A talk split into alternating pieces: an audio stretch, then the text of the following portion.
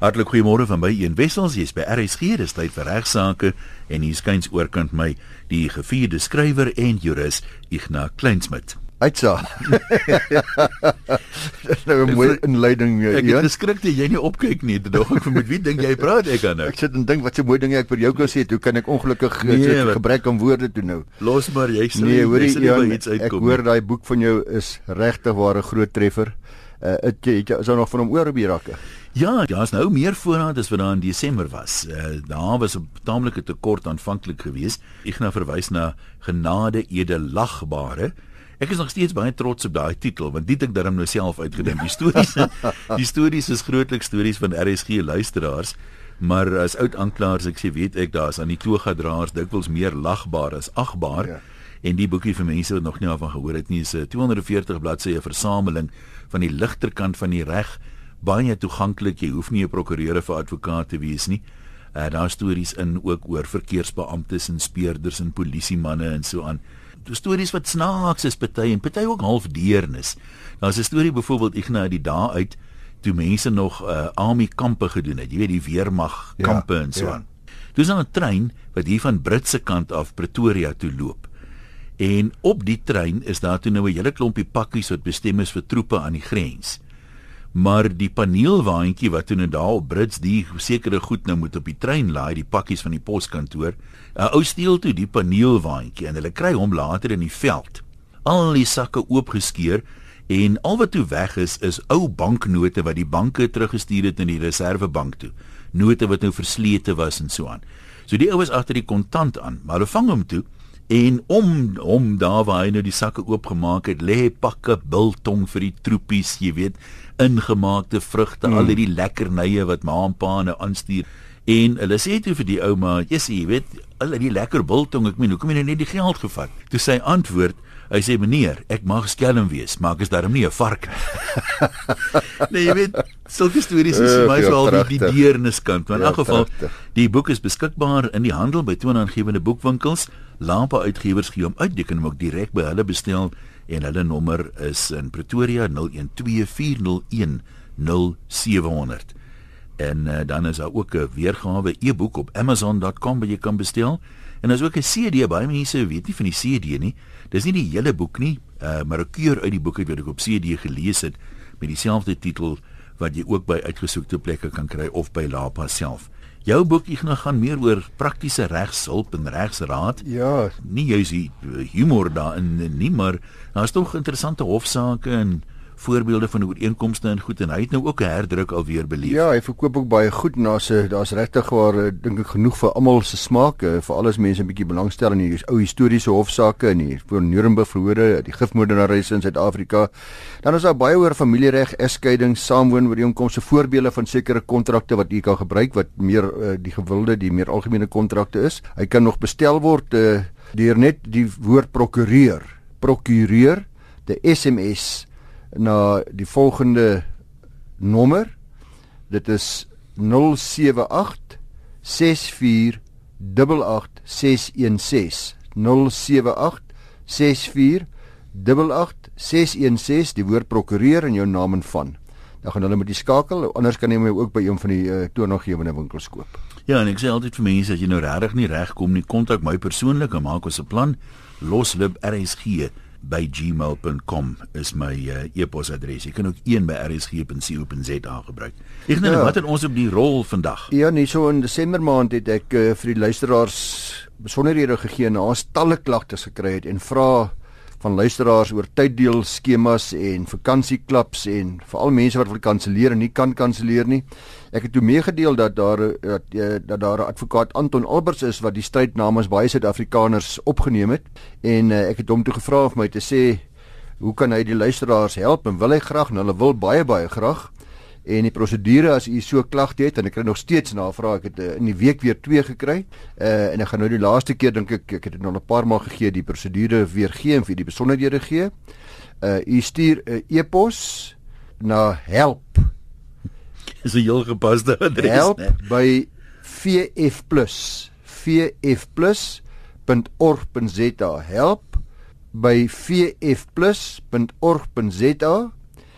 Hulle gaan dan vir u 'n vorm stuur wat u kan voltooi met meer besonderhede en in in 'n uh, dokumentasie wat stawend van aard is wat dan teruggegaan word en hierdie vorm word dan deur hulle afgelewer by die nasionale verbruikerskommissie wat uh, al hierdie klagtes bymekaar maak en wat besig is om te onderhandel en uh, hulle is ook besig om 'n aansoek uh, by die verbruikerstribunaal.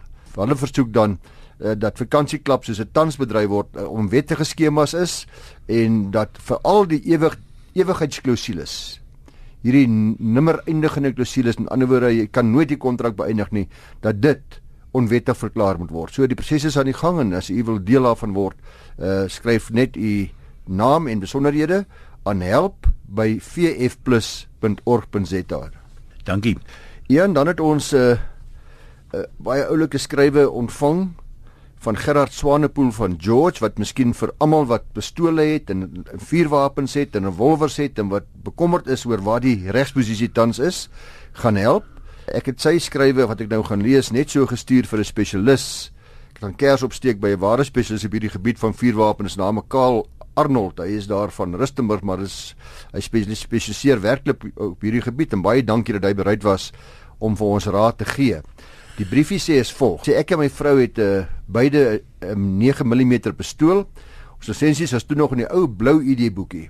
En ek het dit maar redelik volledig lees, ja, maar dis baie mense in dieselfde posisie in Suid-Afrika. Hier's regtig baie van hulle, baie van ons luisteraars. So ek het nog hy ou blou ID boekie en dit was hier hy sê dit was in 1981 se koers en op daai lisensie is geen vervaldatum nie. Toe word gepropageer dat almal moet gaan vir opleiding en bevoegdheidssertifisering nie dit nie doen nie kan jou wapen weggevat word en al ons weet van al die dinge wat toe gesê was in die pers ensovoorts hy sê dat dit wel gedoen.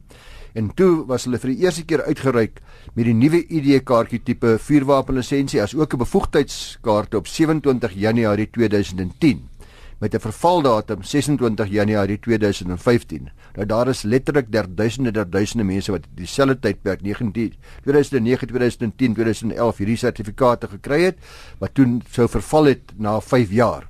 Nou hy sê omdat dit toe 'n nuutjie was, hierdie hernuwingsstorie, het ons heeltemal vergeet van die vervaldatum en so het baie ander ook. En ons hernuwingsaansoeke ingedien by ons plaaslike vuurwapen afdeling by die SAP op George maar eers op 11 September 2015, dis 8 maande laat.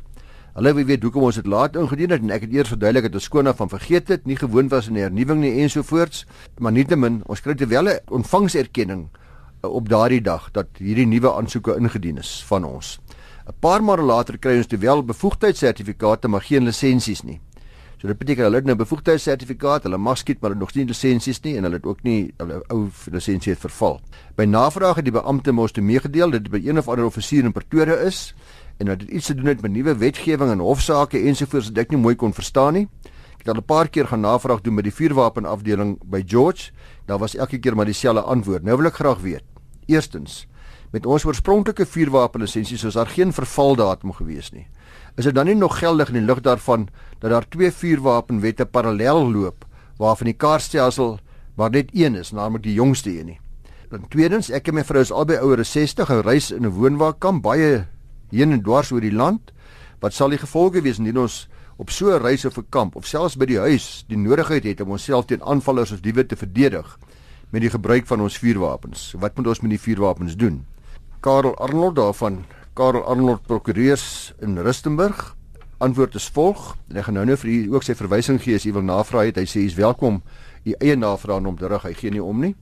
Hy sê artikel 24 van wet 60 van 2000, die vuurwapenwet, bepaal dat 'n lisensiehouer sy of haar lisensie ten minste 90 dae voor die lisensie se vervaldatum moet hernie. Aan die woorde in ons geval is dit nou duidelik laat. Ons het 8 maande na die tyd en ek moet 90 dae voor die vervaldatum moet jy dit hernie. Artikel 28 bepaal dat hierdie lisensie dan tot 'n einde kom by die verstryking van die periode waarvoor hy uitgereik is en is sodanige eienaar derhalwe dan onwettig in besit van die betrokke vuurwapen.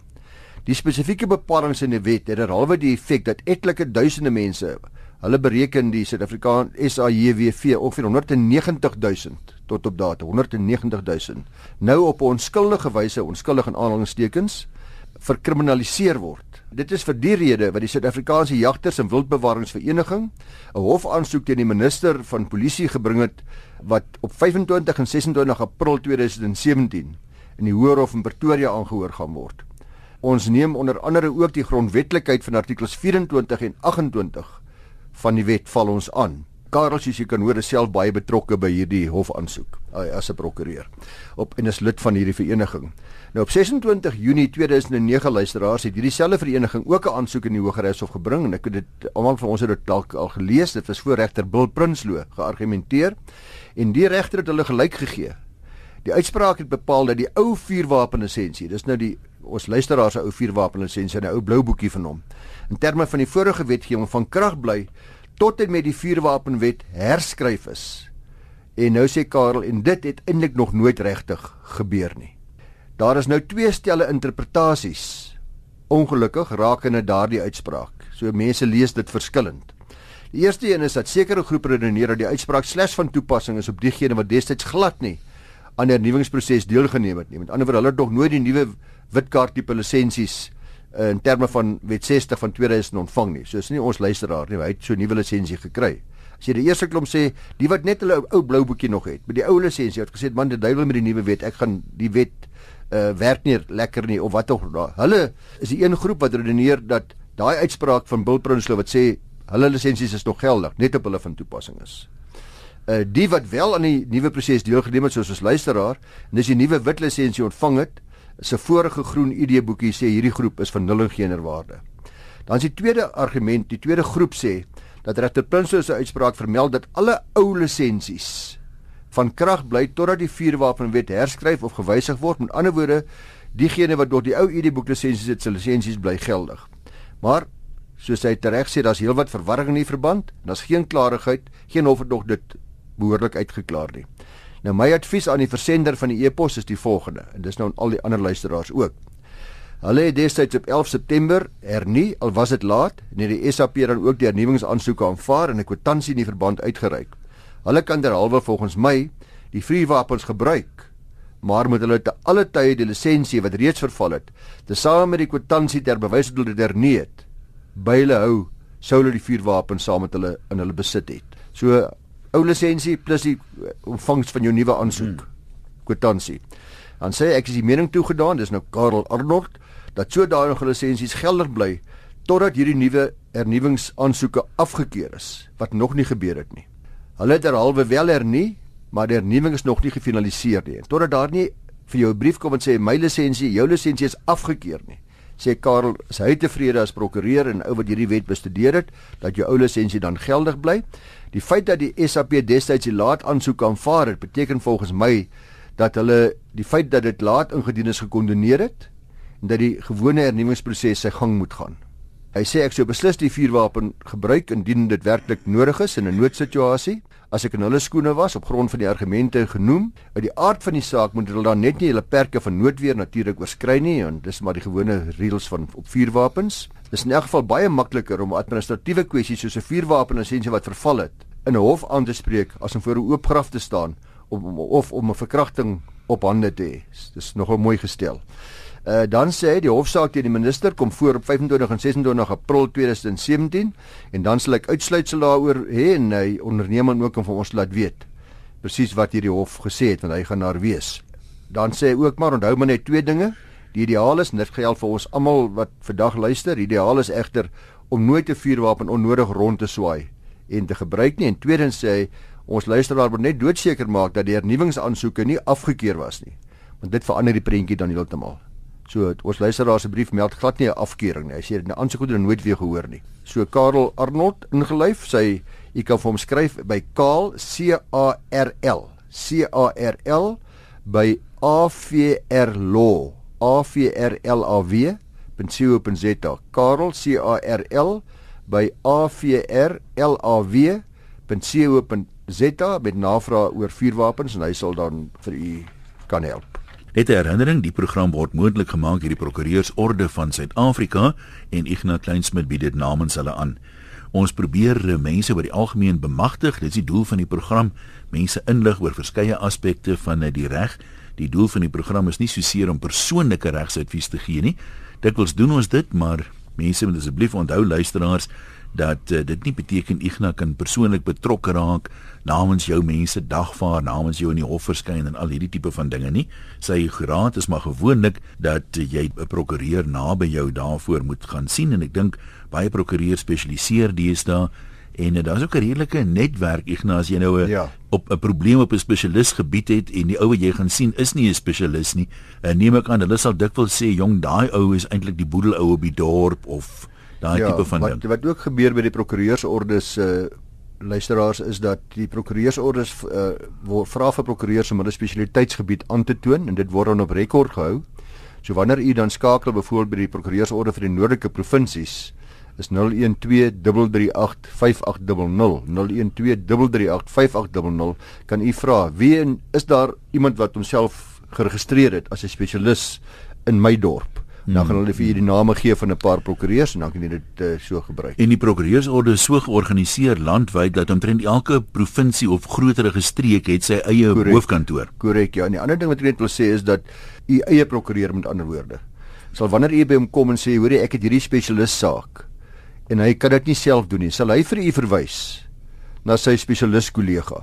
Prokureurs kan net dood eenvoudig nie meer alles van alles weet nie, dit is te gespesialiseerd geraak en ons wys verwys gereeld iemand dan na die spesialis toe of dalk ook na die advokaat toe wat die spesialis is. Maar 'n prokureur behoort en sal nie iets aanpak waar hy self nie bevoeg is om, nie die kennis het nie. En as jy mens die prokureursorde wil gaan Google in Engels is dit die Law Society. Law Society, uh, ja, die Law Society en as jy Law Society of the Northern Provinces, dis nou die ou Transvaal provinsies en dan uh, is dit die Law Society of the Cape of Good Hope in the Law Society of the Free State and the Law Society of wat sal nou oorwees? KwaZulu-Natal seker uh, Mpumalanga. KwaZulu-Natal, KwaZulu-Natal, KZN. So Mpumalanga val ook onder die noordelike provinsies. provinsies, dis reg. Nou as jy 'n vraag het wat jy wil hê Ignas moet bespreek en ek sê ons probeer dit altyd so doen dat dit uh, vir meer mense as net jouself van dit kan wees, dan kan jy dit direk vir Ignas stuur. Sy adres is igna@ffd.co.za. Igna, I G N A by ffd.co.za.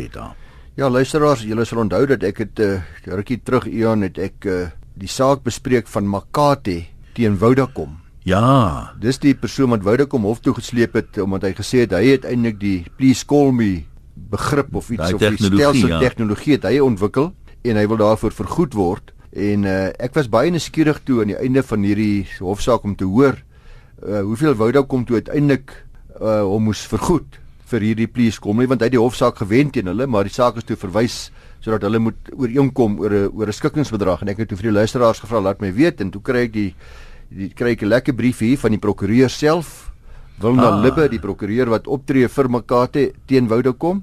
En sy sê ek is Makate se prokureur in die aksie en het magtiging van hom gekry om julle so volg op die hoogte te bring Die onderhandeling met Vodacom is in November 2016 opgeskort hangende die verkryging van 'n verklarende bevel by die konstitusionele hof ten aansien van die interpretasie van die term reasonable remuneration. So hulle stry nou oor wat reasonable remuneration beteken. Vodacom wil dit in 'n vakuum interpreteer terwyl Makate aanvoer dat dit slegs teen die agtergrond van die term van die ooreenkoms, naamlik 'n share of revenue, gesien moet word. Dis soos wat die verhoor of dit bevind het. So die resvraag wat betrokke is, is eerstens word daar gestry of hulle direkte toegang tot die konstitusionele hof moet kry. Tweedens of die konstitusionele hof regtig die functus officio hieso is en derdens die beginsels van interpretasie oor wat is hierdie reasonable remuneration. En dan vierdens of meneer Makati ook insa in wyde kom se dokumentasie en finansiële rekords kan kry om te bepaal of wat is 'n redelike bedrag. Nou is interessant, hulle sê wanneer ons praat van please call me, wat is 'n redelike vergoeding? Moet ons gaan kyk na 'n deel van inkomste. Wat is daaruit gemaak? Woudekom sê nee nee nee nee. Dit moet in 'n vakuum geïnterpreteer word. Ons moet net kyk na die algemene bepaling van wat is redelike inkomste. So nog interessant, sy sê sy wag op 'n direktief van die hof wat nou verdere aanwysings moet gee. Indien verlof vir die aansoek gegee word, sal daar waarskynlik later die jaar, dis nou in hierdie jaar, uh, weer 'n verskyning in die hof wees en ek gaan nou mooi vra om ons op hoogte te hou. Baie dankie Wilna Libbe van die firma Stemela en Libbe ingelyf daar in Brooklyn in Pretoria uh vir die vriendelikheid en vir ons te laat weet. Vir my voel dit hier ek het 'n redelike idee wat ek sou gesê het is die aansoek vir my moes gedien het. Uh maar dit is nou maar nie daaroor uitbrei en ons slim hou nie.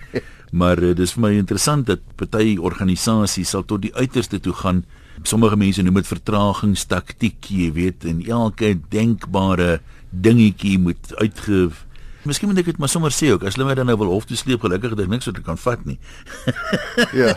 Die die ding wat net vir my snaaks is van van van hierdie goed dis vir my of dit 'n gesindheid uitstraal. Ek meen die idee dink ek met die aanvanklike hofsaak wat wat hy gewen het was dat ons moet nou soos redelike mense hierdie ding uitpleis.